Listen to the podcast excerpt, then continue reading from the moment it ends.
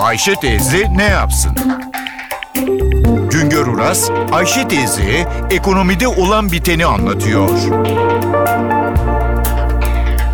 Merhaba sayın dinleyenler, merhaba Ayşe Hanım teyze, merhaba Ali Rıza Bey amca.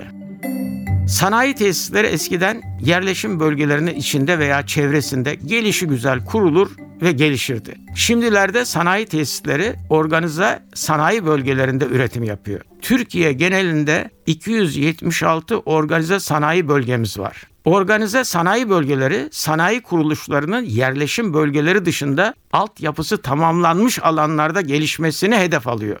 Böylece sanayi tesisleri yerleşim ve tarım bölgelerine yayılmıyor. Böylece sanayi tesislerinin gelişmesinin, büyümesinin önü açılıyor. Önce küçük sanayi siteleri kuruldu. Sanayileşme hızlanınca da organize sanayi bölgeleri ihtiyacı ortaya çıktı. İlk organize sanayi bölgesi planlı dönemin başında 1963 yılında Bursa'da kuruldu. 50 yılda Artvin dışında organize sanayi bölgesi kurulmamış ilimiz kalmadı. Yatırımcı için organize sanayi bölgesinde arka tahsisi almak çok önemlidir. Çünkü organize sanayi bölgesinde arsa fiyatları göreceli olarak çok ucuz. Organize sanayi bölgesinde altyapı için harcama gerekmiyor. Organize sanayi bölgesinde yatırım ve üretim yapanlara vergi avantajı sağlanıyor. Sosyal güvenlik ödemelerinde avantaj sağlanıyor. Bursa, İzmir ve Kocaeli'de 13'er, Ankara'da 11, Tekirdağ'da 10 organize sanayi bölgemiz var. Afyon'daki organize sanayi bölgesi sayısı 9, İstanbul'da 8, Adıyaman'da 7, Denizlik, Birecik, Manisa ve Sakarya'da 6'şar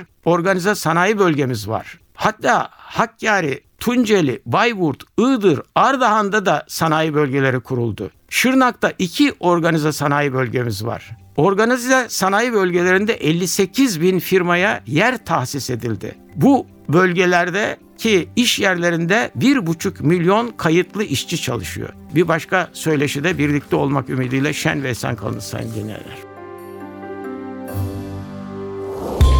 Güngör Uras'a sormak istediklerinizi ntvradio.com.tr adresine yazabilirsiniz.